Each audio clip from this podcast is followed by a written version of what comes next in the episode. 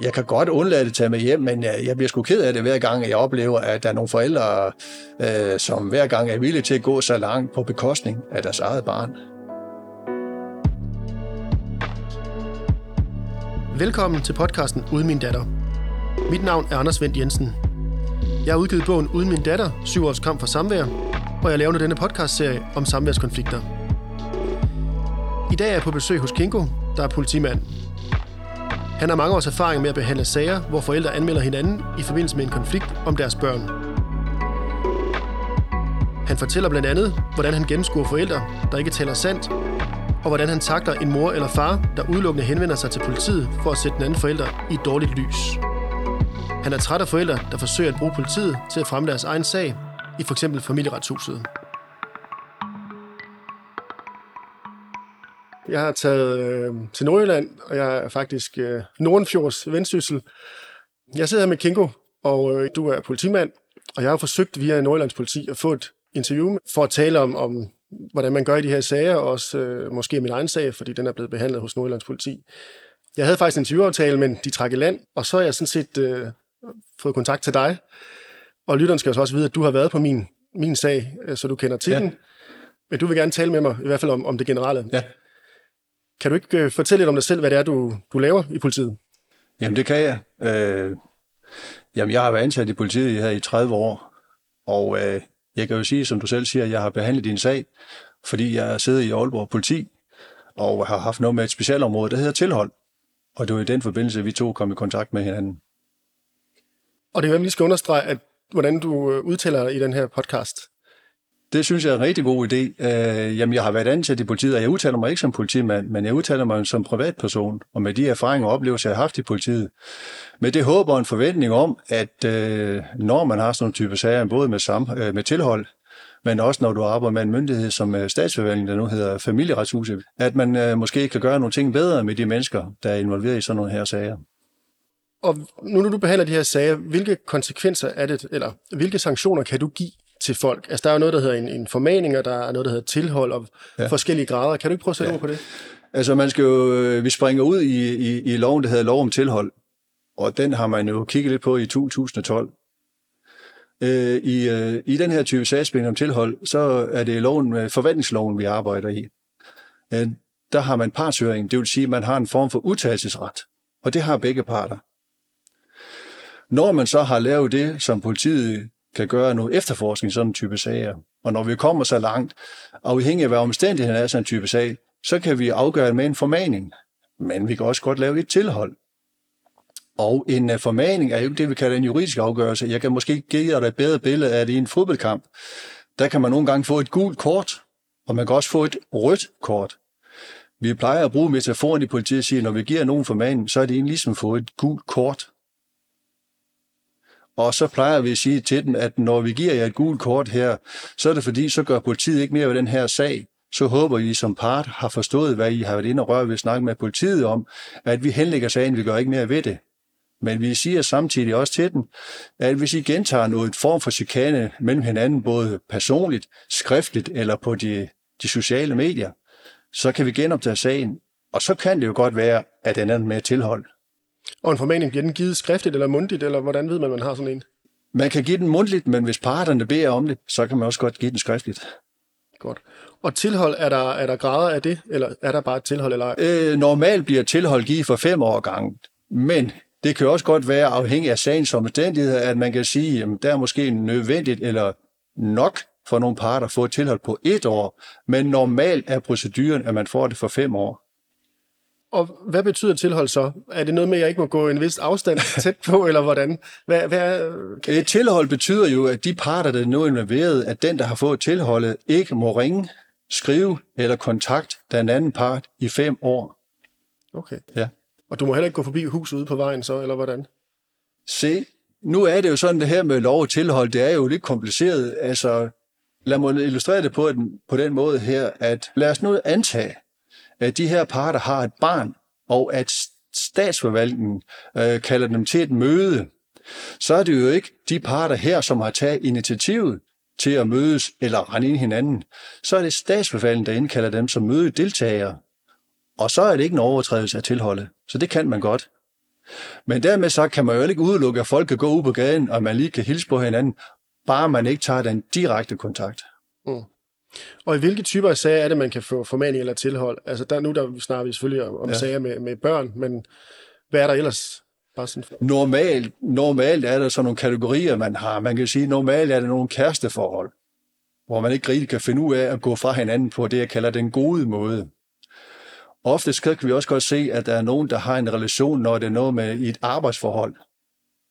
Og så kan det også godt være, at der kan komme sådan nogle helt tredje parter, hvor for eksempel en person har haft kontakt med en myndighed, et pengeinstitut, et eller andet, hvor man føler at måske, at man er blevet snydt og bedraget på en eller anden måde, og så begynder man at chikanere personer i pengeinstitut og forfølge dem. Har du så et overblik over, hvor mange af de her sager, der handler om konflikt mellem forældre i forhold til børnene? Jeg tør ikke anders at sætte et tal på, men jeg vil også sige på den anden side, ofte er der børn involveret i det her. Altså det er jo sådan, når man går fra hinanden, så kan jeg, som jeg plejer at sige til folk, at man kan gå fra hinanden på den gode måde, og man kan gå på den dårlige. Og der er nogle forældre, der godt kan finde ud af at samarbejde. Men hvis man er den ene part, som man siger, er lidt for smået, eller der er sket nogle ting, så er der årsagen til en skilsmisse, og man er bange for at miste noget, så er det jo tit og ofte, at man kæmper for at beholde sine børn, og så er det der, vi skal til at finde ud af, hvordan kan man gå fra hinanden, hvordan kan politiet finde en løsning på det her, uden at børnene mister retten til to forældre. Det synes jeg er vigtigt at påpege. Og hvor lang tid har du siddet med det her område? Åh, oh, jeg har siddet i mange år. Jeg går nok ikke af vejen for at se, at jeg har nok siddet med det i over 10 år. Så jeg synes, jeg har en masse oplevelser og en rigtig god erfaring. Og jeg synes, med de, øh, de parter og de mennesker, som jeg har haft på mit kontor, øh, hvor vi både har lavet konflikthåndtering, og vi har lavet formaning, men også tilhold, hvor jeg faktisk har oplevet, at folk de er kommet og sagt, du har hjulpet os. Og hvad er din succesrate? Hvor tit lykkes det? Jamen, øh, jeg, jeg plejer at sige, at når vi sidder på mit kontor, øh, så taler vi til, at vi har fundet en løsning. Og jeg finder altid en løsning, og øh, jeg får altid folk trukket hen til det essentielle. Og jeg synes, jeg har sådan fundet evne til at finde, hvor det nogle gange gør lidt ondt hos folk at få det lagt på bordet, og vi får snakket om det, og finder en konstruktiv løsning. Men der kan jo være nogen, der er uden for pædagogisk rækkevidde, som... Ja, det har du ret i. Altså, så er vi over i nogle typer, hvor du går ud i, i nogle personer derude, hvor jeg skal til at sige, at der er jo nogle psykopater derude, som har den her overdreven storkertrang, at de simpelthen ikke øh, vil forstå. Men øh, som jeg siger, når de sidder på mit kontor, og vi har lavet nogle øh, motivationsfremmende foranstaltninger, så har jeg altid stillet det spørgsmål. Nu må de endelig stille spørgsmål, det går herfra, fordi de må ikke være forvidede og ikke kan forstå, hvad det er, de, hvad de må og hvad de ikke må, når de går herfra. Og det lykkes som regel.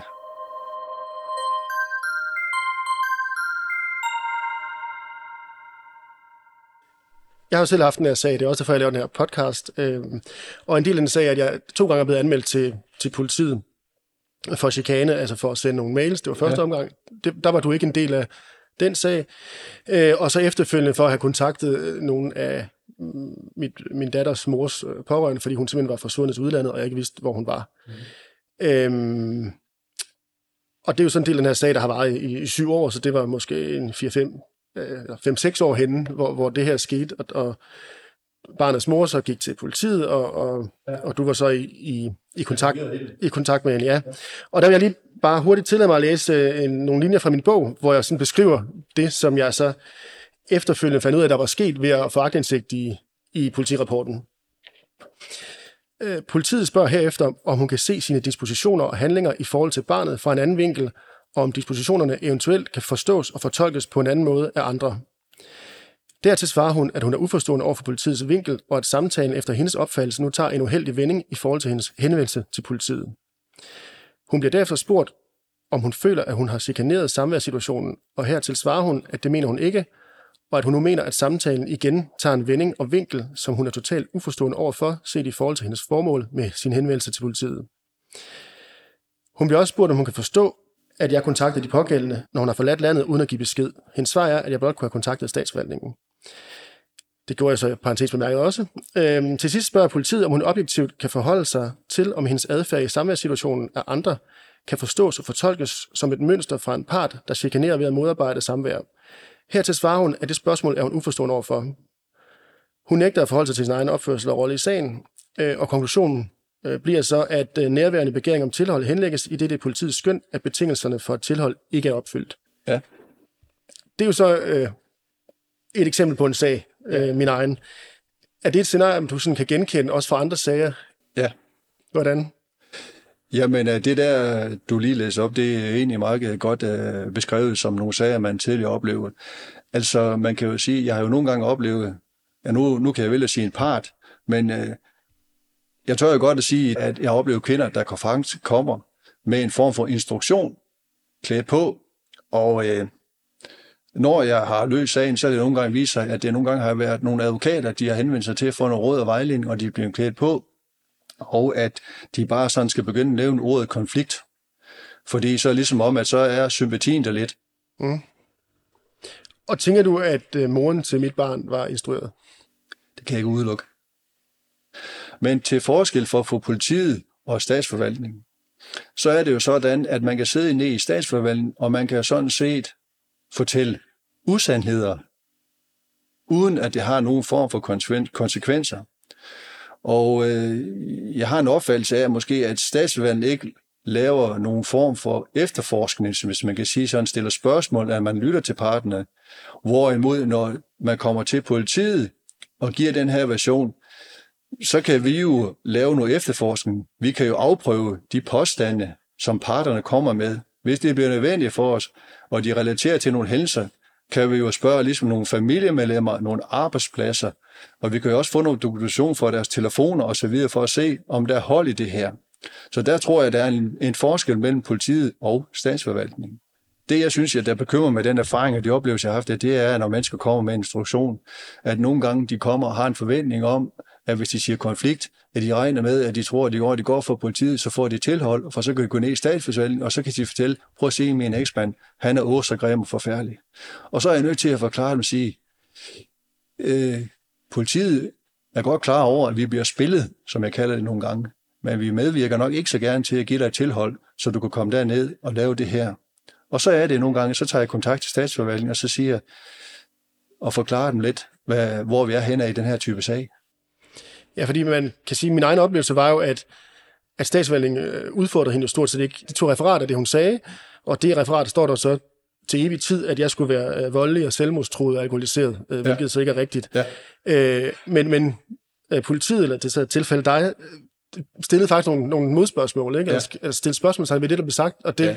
synes jeg jo faktisk var helt fantastisk, også fordi vi talte sammen, og jeg blev faktisk hørt og blev taget alvorligt. Og det synes jeg egentlig var første gang i det lange forløb, at der var nogen, der ligesom sagde, okay, jeg hører, hvad du siger, og stillede nogle modspørgsmål, ikke? hvor ja. i stedet for blot at tage til referat, og så komme med en afgørelse via et brev mange måneder senere. Ja det var bare, jeg vil sige, at det var en lettelse at blive taget seriøst. Det var faktisk næsten uanset, det mig, u- uanset udfaldet, vil jeg sige. Ikke? ja. Og jeg skal også skynde mig at sige, at vi kender ikke hinanden i forvejen, bare hvis der er nogen, der Ej, sidder det, med en tanke. Det er rigtigt, det er rigtigt.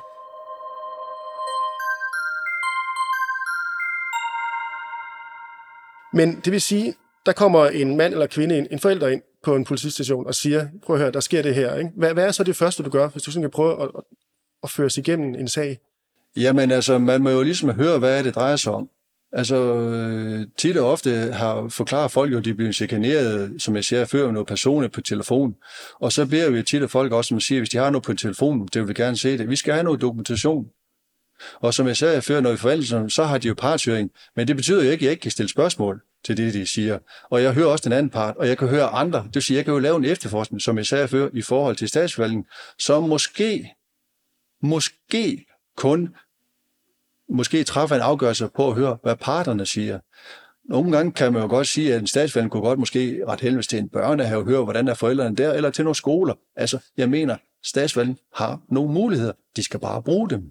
Men det er så et spørgsmål om med prioritering af ressourcer måske. Og hvordan er forholdet mellem politi og statsvalgning, og måske også kommune? Altså, hvad, hvad er sådan det samspil og den ja. rolle? Eller hvad er så ja, politiets rolle, kan man Jamen, i mit tilfælde her, afhængig af en sag, altså så, så er det jo tit, at man kan sidde og sidde og vurdere her og sige, at man finder ud af, at øh, de har en samværssag kørende i statsforvaltningen. Og så må man jo ligesom sige, hvis der er nogen børn involveret her, sige, så kan jeg jo for eksempel godt lave et tilhold mellem de to mennesker, hvis ikke de kan tåle at se hinanden. men formulere det og udfærdige det på en måde, således at der godt kan få et samvær mellem forældrene om, omkring børnene. Så det er ikke umuligt.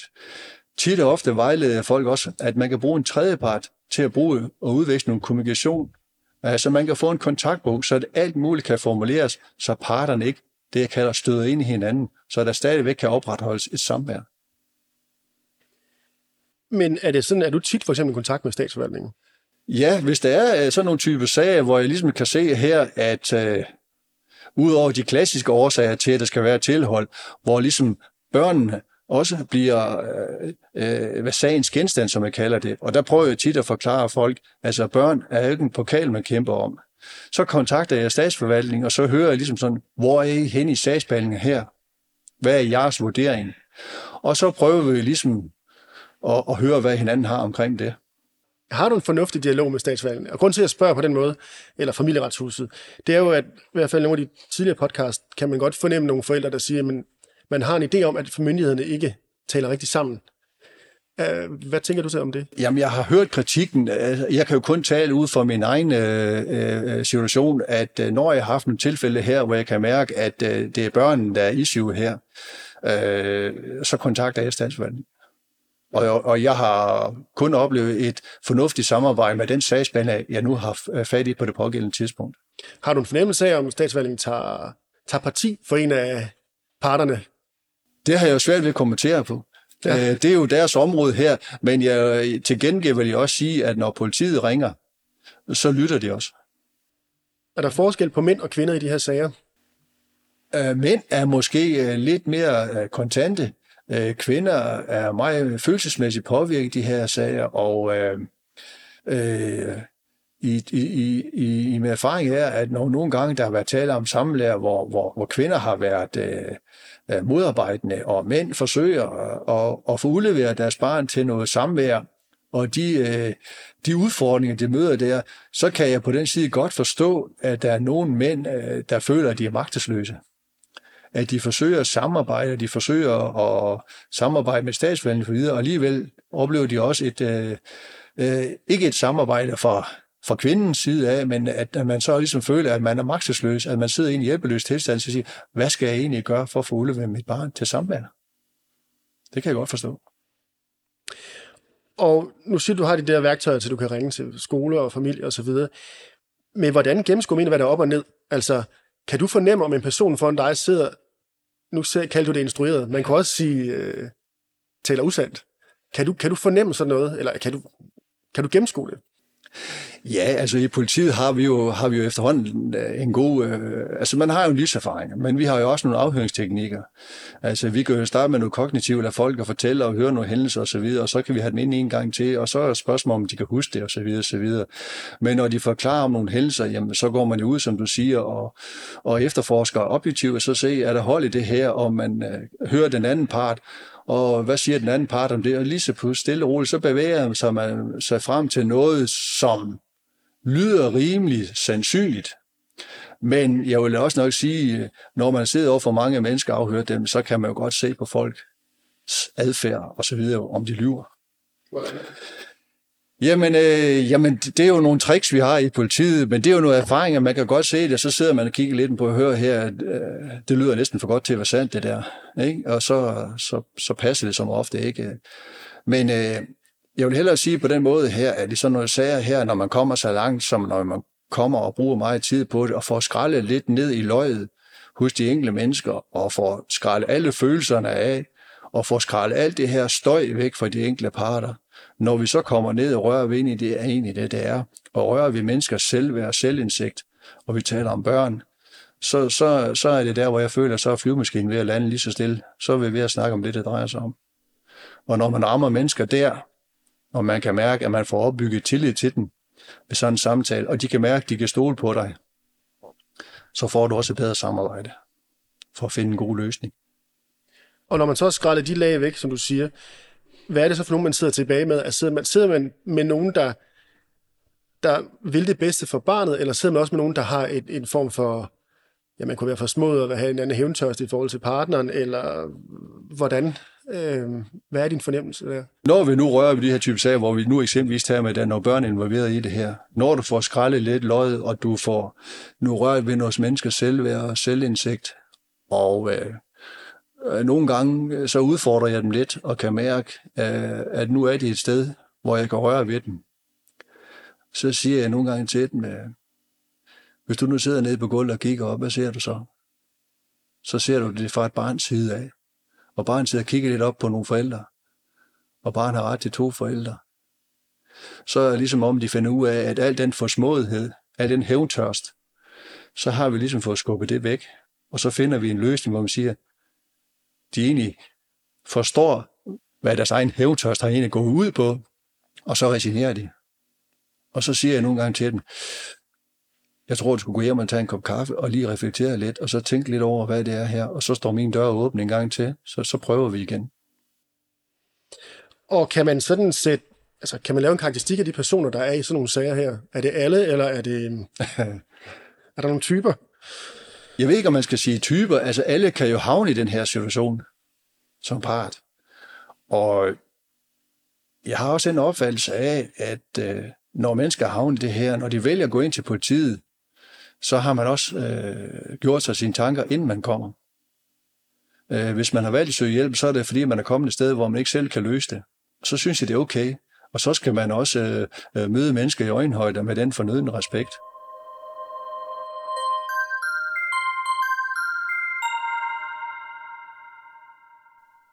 Hvor kreativ vil du sige, at for, nogle forældre er, når det gælder om at køre den anden forælder ud på et tidsspor? Hvad, hvad, er sådan, hvad har du oplevet? Det har ingen grænser, Anders. hvad er så det vildeste? Kan det være, altså, der kan jo være beskyldninger om, om, om vold, for eksempel, og, og andet. Jamen altså, jeg sidder jo også og kigger på at sige, om det klassiske her, man kan sige, i relation med to mennesker, der bor sammen, er der, er der misbrug i det her hjem, er det alkohol, er det vold, eller noget andet. Fordi lov om tilhold, den hjemmer jo også nogle andre beføjelser. Man kan jo sige, hvis et almindeligt ægtepar, der bor hjemme og så videre, mand udøver vold eller noget andet, øh, så videre, så kan man jo faktisk blive bortfjernet fra sit hjem. Så, så loven øh, hjælper egentlig nogle okay fornuftige ting. Men du spørger, om der er nogle parter, øh, som, som, øh, som er kreative. Ja, fordi hvis der er nogle, nogle parter, det her, hvor det eneste, de er tilbage, det er at kæmpe om deres barn og få det, øh, jamen så kender de sådan set ikke nogen grænser. Og det er, som jeg sagde før, at hvis man først får skrællet løjet lidt af og følelserne lidt væk og kommer ind til det, drejer sig om, så, så kan man godt nå nogenlunde fornuft med nogle mennesker. Hvad er det, der sker op i hovedet på de her forældre? Jamen, der sker jo nok det, øh, at øh, forældre, der er presset, forældre, der er i deres følelsesvold, og som nogle gange man oplever, har, er instrueret af, af, af, som jeg sagde tidligere, af nogle jurister, er villige til at, at gå derhen, hvor målet helliger midlet, for at de kan vinde deres barn, for ikke at, at de mister det. Og der er man altså, oplever, der er man villig til at gå rigtig langt. Men der kan man sige, det er jo også ens barn. Det er jo virkelig det mest Det er jo en mor, der har givet fødsel til et barn, og jeg kan sagtens forstå, at man har det, men når man når man kommer dertil, hvor den ene part, den anden part, får en forståelse af, at begge forældre har ret til lige så meget samvær, eller dele det der barn, de i fællesskab har sat i værken. Det, det, det er sgu lidt derhen, at vi skal hen og ramme. Sådan, når man rammer derude omkring, så rammer du øh, parternes selvindsigt, selvforståelse, og de får lov at reflektere over og sige, det er jo egentlig også rigtigt. Det skal vi jo ikke straffes for af politiet med det og det. Lad os nu finde en fornuftig løsning. Du siger det, at man er blevet instrueret af jurister eller advokater. Ja. Er der andre, der instruerer? Altså nu er man jo, der er nogen, der nævner det der med, at der findes nogle øh, lukkede Facebook-grupper eller, eller, eller øh, kvindenetværker, der ligesom hjælper hinanden med, med at, at få barnet væk fra manden. Er det noget, du som politimand kender til? Øh, jeg har ikke set på Facebook, men jeg har hørt om det. Men jeg, jeg, jeg vil sige derhen, at øh, med de par, jeg har set, der har jeg set nærmest noget på skrift, om, hvordan man skal med nærmest en strategi og en plan om, hvordan man skal sige, øh, næsten både ved politiet, men også i statsforvaltningen. Og jeg ved, at man skal bare nævne ordet, nu er jeg lidt grov, når jeg siger det, Anders, men man skal bare nævne ordet konflikt i statsforvaltningen, hvor jeg i min optik, jeg siger, ah, der er jo lidt forskel. Der kan jo godt være uenighed og uoverensstemmelser, før vi lander i en konflikt. Mm. Men kan det betale sig at komme med falske anmeldelser? Tror det lykkedes nogen at slippe forbi dig? Øh, jeg, jeg, jeg vil sige på en måde, jeg har ikke en oplevelse af, at der er nogen, når du bruger tryk, der er sluppet forbi mig. Øh, jeg synes egentlig, at jeg, jeg på savlig og faglig vis har nået ind til de der typer mennesker, og har kunne vurdere, om den her sag skal afgøres med en formaning, eller skal have tilhold. Men selvom den har fået tilhold, så har jeg altid haft øh, for øje øh, det, som jeg sagde det med, med, med børn, hvordan man kan få samvær. Og jeg kan også godt, kan jeg sige, jeg har også uh, talt uh, venligt og bestemt, som det hedder i politiet, til nogen, før at uh, de ligesom uh, lander lidt på jorden og forstår, hvad er det her, det egentlig handler om. Der har jo også været frem det der med, at der er nogle kvinder, der bruger kvindekrigscenter, hvor de tager hen for at holde manden væk fra barnet og også sænke processen, eller forsinke processen. Er det noget, du har oplevet? Ja, Jamen det er det, og, og det er du da helt ret, og jeg tror da også nogle gange, som jeg tidligere har sagt, det der med den uh, strategi og plan, som man får nogle steder, at man får, bliver instrueret i, at øh, hvis man tager på et krisecenter, og nu skal jeg passe på, hvad jeg siger, fordi der er både unge og ældre, som måske tager på et krisecenter, og baggrunden for det kan være forskellig, men i princippet er der mange, der ligesom ved, at hvis man tager på et krisecenter, så kan man jo få ting til at se meget mere alvorligt ud, end det egentlig er. Altså, at omgivelserne, de har en opfattelse af, huha, hvis kvinden er på krisecenter, eller han er på et mandecenter, så, er den, så ved vi, hvem skurken er her. Men det er jo sådan, der er jo helt sikkert kvinder, der har brug for at komme på krisecenter. Naturligvis. Men der er også så en, en mindre del, uden at definere, hvor mange, der, der kan bruge, misbruge det. Jeg vil sige det på den måde, at man kan sagtens manipulere med det, og give myndighederne en opfattelse af, at når man er der, så er det meget forfærdeligt det her, og det ser værre ud, end det egentlig er. Og så spørger jeg jo ligesom ind til det, som politimanden siger, hvad er bevæggrunden for hvad der? Jamen, øh, hun har måske fået et slag, og så har hun taget på et krise. Så kunne man ligesom godt sige, måske er det ikke lige en lille overreaktion her. Men det kunne jo samtidig også på den anden side være en del i forhold til den her strategiplan, man har, at det skal se ud som om, det er mere alvorligt, fordi så fremmer man jo sin egen sag, egen vinding. Øh, det forholder jeg mig så til. Men tror der er nogen, der slet ikke, nu siger du et, et slag, hvilket er alvorligt, men er der nogen, der slet ikke har oplevet noget form for vold, og tager dig hen og bruger det som et, et, et pressionsmiddel i en samværssag? Det har jeg svært ved at svare på. Det er, ikke min, øh, det er ikke min erfaring. Det er ikke den viden, jeg har. Fordi jeg tror ikke, at man, hvis jeg skal sige på en måde, tilfældigvis tager på et krisecenter. Øh, spørgsmålet er, om ligesom siger, hvad er baggrund og grundlag for, at man tager det hen, og hvad er det, man ønsker, hvordan det skal se ud i forhold til sin sag. Og er der nogen der udlån kommer ned til jer, netop for at få et stykke papir og vifte med, at de kan tage videre i familieretshuset. Ja. Altså, føler jeg som politi indimellem udnyttet i konflikt mellem forældre? Ja, jeg vil sige på den måde, at der er nogle parter, der kommer i den tro, at, at, at de kan, det, som jeg sagde før, kan spille politiet, og kan tro, at, som jeg sagde, at de oplever, at de instruerer en advokat, at hvis de siger sådan og sådan og sådan og sådan, så gavner det deres sag, og de får tilhold, og når de så får tilhold, så går det ned i statsvalget, så siger, prøv at se her, den anden part er så øh, voldelig og gør sådan, sådan, sådan. Og øh, der vil jeg jo nok sige, at med den erfaring, jeg har i politiet, det, det synes jeg nok, jeg kan gennemskue. Jeg, stod, jeg tænkte på et tidspunkt, at nogen sagde til mig, kan du ikke gå ned til politiet og sige, prøv at hun holder øh, jeres fælles barn væk fra dig. Det må da være en sag for politiet.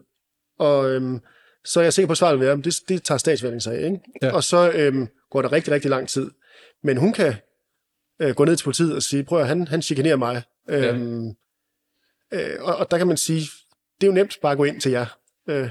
Ja, du, ja, du siger, det er nemt, og, øh, men jeg vil også nok sige, på den anden side, så er vi også gode igen til at gennemskue det og, og forholde os til det.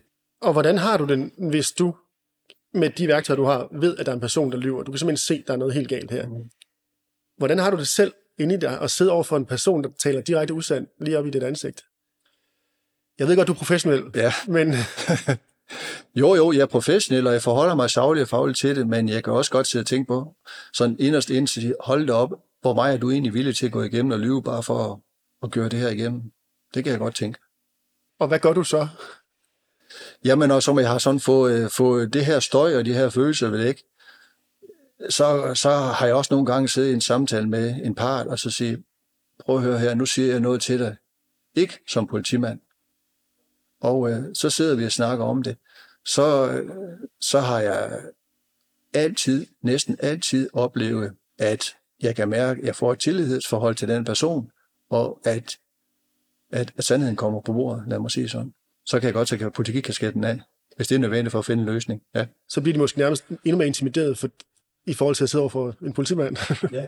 Fordi de sidder over for en, en, en rigtig person. Og en Ja, far. jeg lægger min, jeg lægger min øh, hvad kalder man sådan, min, øh, mine politimæssige øh, ting væk, og siger, at nu sidder jeg der her som en almindelig person.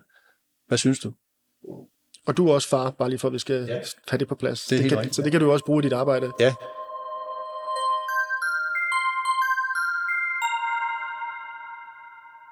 Hvis man så kigger på det her øh, med systemet, hvordan mener du, at man kan forhindre eller reducere den her type af sager?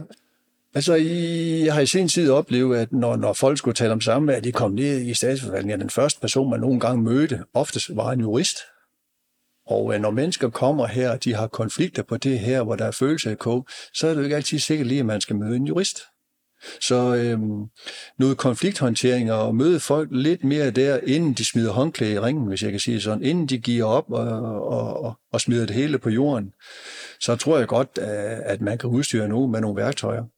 Jeg tror, jo mere man fremmer processen øh, til handlinger, og kan bare få det her samvær sat i værk og lave en resolution, så tror jeg, at det der, som jeg siger med forældreansvaret, at man får noget sat i gang. Fordi hvis man giver folk mulighed for at forhale det, og folk kan se, der er mulighed for det, og man lyver barnet syg, eller hvad man nu kan finde på, og så vil jeg så påstå, at øh, så burde statsvalget måske være lidt mere konsekvent. Hvordan tænker du? Konsekvent i at sige det der med, at når der er en, der lyver det her, man finder det her mønster, så er det med administration, så siger jeg, prøv her, vi kan opleve, at du modarbejder det her, øh, det her samarbejde med at få lavet samvær, og man kan administrativt fra det med forældremyndigheden, fordi jeg synes, der går for lang tid, at man starter salgsmanden, at hvis man skal frakende noget, så kan det ikke være rigtigt, det skal ind helt op i højesteret, undskyld mig udtrykket, før man kan frakende nogen en forældremyndighed ved dom. Kunne man flytte den proces længere ned og give statsforvaltningen de beføjelser, så tror jeg, at parterne kan, ligesom kan se her, at de ligesom er, det jeg kalder i situationsvang, tvunget til at samarbejde for at finde en løsning. Ja, for i og med, at øh, den højstrætsdom, du henviser til, hvor, hvor øh, en, den ene forælder fik forældremyndigheden øh, Ja. ja. på grund af, at den anden chikanerede, Ja. den, den kunne de jo lave, fordi der er nogle regler. Og de regler kunne man jo godt bruge længere ned i systemet, Ja. ja. som du siger. Hvis man kunne på en eller anden måde i lovgivningen sige, at du har nogle regler, kunne man ligesom transformere dem om til lidt mere nogle øh, administrative øh, muligheder til statsministeren på et tidligere tidspunkt, så tror jeg, man kunne frem en hurtigere sagsbehandling, et bedre samvær med nogle forældre og få en resolution i gang, og dermed få et samvær til at køre. Og når du siger administrative sanktioner i det her system, hvad tænker du så på? Altså eksempelvis her, man har mange eksempler på, at der er en mor, der melder barn syg. Hvis nu mor og far boede sammen, så kan både mor og far passe barnet. Fordi man nu er i en situation her, hvor man har et problem om noget samvær, så står jeg uforstående for, at man principielt ikke kan få udleveret sit barn, når det er sygt, fordi jeg kunne godt passe barnet, da jeg boede sammen med moren, der var barnet var sygt. Hvorfor kan jeg ikke gøre det nu, hvor der er en samværssituation? Bare far kan da passe barnet lige så godt, som mor kan. Og det er ikke for at gøre forskel, men det mener jeg altså godt kan lade sig gøre. Så det mener jeg ikke er en hindring for at udlevere barnet til samvær. Og hvilke andre sanktioner kan du komme i tanke om, man kunne indføre? at hvis man har nogle, for eksempel nogle, øh, en part, som er, er, er, modsætter sig samarbejde øh, i sagsbehandling med statsforvaltningen, modsætter sig øh, udlevering af barn, og man kan se lynhurtigt se, her er der et mønster. At statsforvaltningen måske sådan sige, kan gå administrativt gå ind og sige, hvis ikke du medvirker og arbejder konstruktivt sammen med os for at finde en løsning for jeres barn, jamen så kan vi administrativt øh, frakende dig din forældremyndighed. Og der tror jeg altså nogle gange, hvis man som part eller forældre får den øh, øh besked fra statsforvaltningen, at, øh, at man ligesom ser, her, her er det nødvendigt for mig at samarbejde for mit barns skyld. Øh, der tror jeg, at, at, at, at der kunne statsforvaltningen, hvis de kunne rykke lidt hurtigt på det, så vil sags, øh, sagsbehandlingen gå hurtigere, og jeg tror nogle gange, afhængig af konfliktniveauet, hvis vi skal sige sådan, at det drejer sig om at få samværet i gang. Hvis man først får samværet til at køre, så kører det. Jo længere tid sagsbehandling varer, og sagsforhandlingen, sags, sagsforhandlingen, hvad skal jeg sige, står ude på sidelinjen og ikke forholder sig til det, så er det tit og ofte, man kan opleve, at den ene part chikanerer det, modarbejder og gør det en eller andet. og man får man kan trække det ud i overvis, hvis jeg skal sige det på den måde. Og der kunne jeg godt savne, at statsforvaltningen var lidt øh, kvikkere i det, og fik nogle administrative beføjelser til motivationsfremmende foranstaltninger til at komme hurtigt frem til at få træffe en afgørelse om samvær. Og det vil også gavne forældrene og samfundet for, at man får sådan nogle øh, ting sat i værk hurtigere, fordi det koster tid og ressourcer. Og øh, dem, der så også som står, står tilbage, som ikke har en far og mor, det er jo barnet, for der, der er en uvis tid. Man ved jo ikke rigtig, hvornår ser jeg min far, hvornår ser jeg min mor igen. Så der er uro omkring det barn i den her tid, som det, for, øh, det pågår. Og jeg ved godt, at statsforvaltningen de egentlig siger, vi skal, vi skal varetage barnets tag, og det er jeg også enig med dem i, men jeg mener også godt, at man kan fremme processen. Bare det, man får et samvær i gang, så tror jeg, så er det i gang, fordi så har begge forældre et ansvar for at få den få noget til at køre. Så har de ansvaret, og så skal de leve op til det, til at udlevere og få det her op at gøre et fælles ansvar for det her barn, som de nu også engang har skabt sammen. Det skal man jo også huske. Ja, og det kan folk jo godt glemme. Det er, ja. det, er det, du minder mig om. Det er jo nogle gange, det er noget, der bliver lavet i kærlighed engang. Det skal jo ikke ende i noget forfærdeligt noget. Et barn har jo ret til to forældre, og barnet skal også blive 18 år en gang og være sund og fornuftig borger.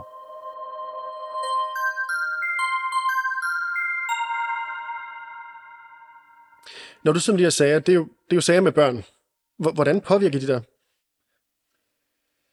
Jamen, at det påvirker mig på den måde, som jeg sagde før her, at når jeg sidder med nogle mennesker, og jeg via min sagsbehandling og efterforskning finder ud af, at øh, hvordan en voksen, som jeg kalder det nogle gange, nogle gange ønsker jeg jo tit, at der er en voksen til stede, når man sidder her, men at man som voksen øh, fra at lyve øh, øh, til at lave forskellige manøvrer, og man tager sit barn og flytter til anden landsdel, eller hvad nu man gør, for at, at, at, at modarbejde øh, et samvær, jamen, så sidder jeg og skulle kigge, nogle gange, undskyld mig, jeg bander lidt, men sidder og kigger på de her børn, at, at, øh, at man kommer lidt i klemme.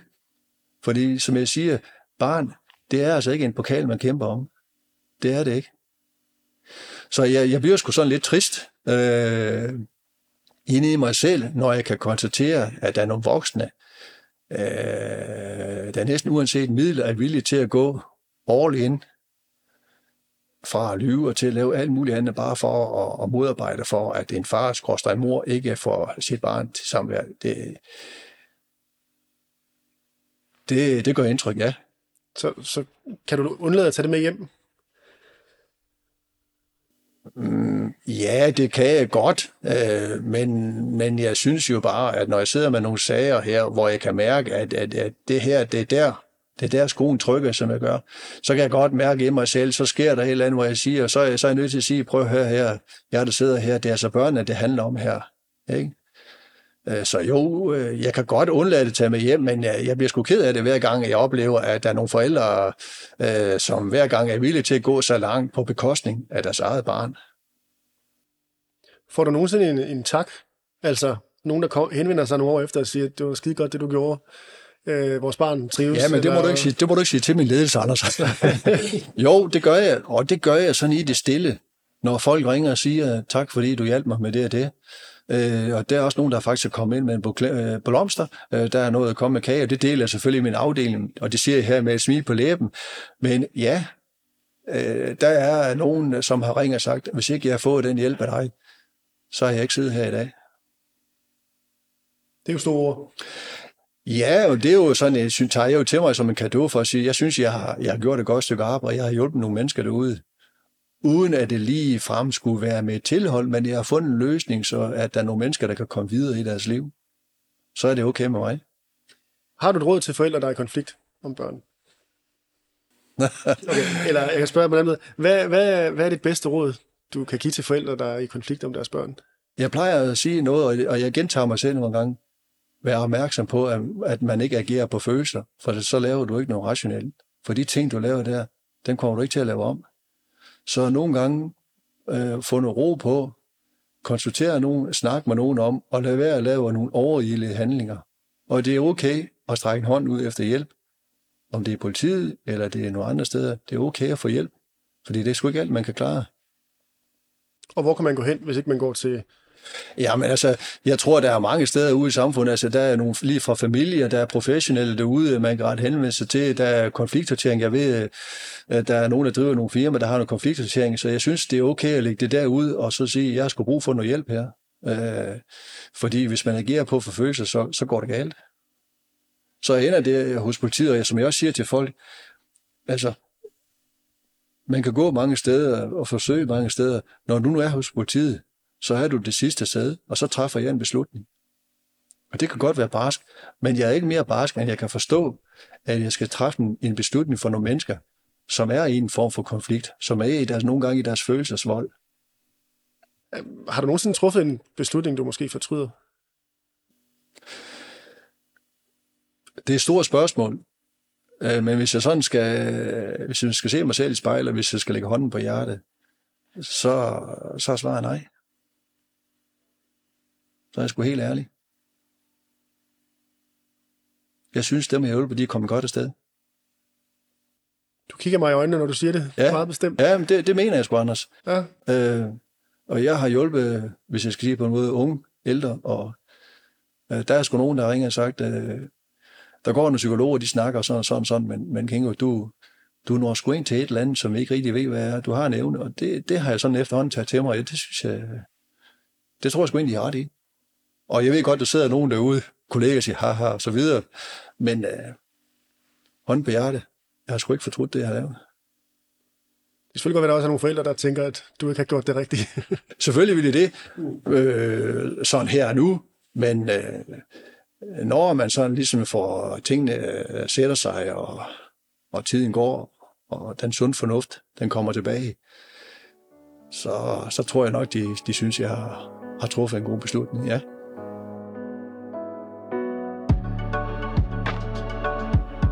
Du har nu hørt om Kingos erfaringer som politimand. Jeg er glad for, at han vil dele nogle af de problemer, han oplever ved systemet. Har du forslag til andre gæster i kommende afsnit, så kontakt mig via Facebook-siden Uden Min Datter. Her må du også meget gerne kommentere, dele og like, så historien kommer ud til endnu flere. Husk også at abonnere på podcasten, så du altid får de nyeste afsnit. Musik og lyd er lavet af Oscar Vendt Mosgaard. Mange tak, fordi du lyttede med.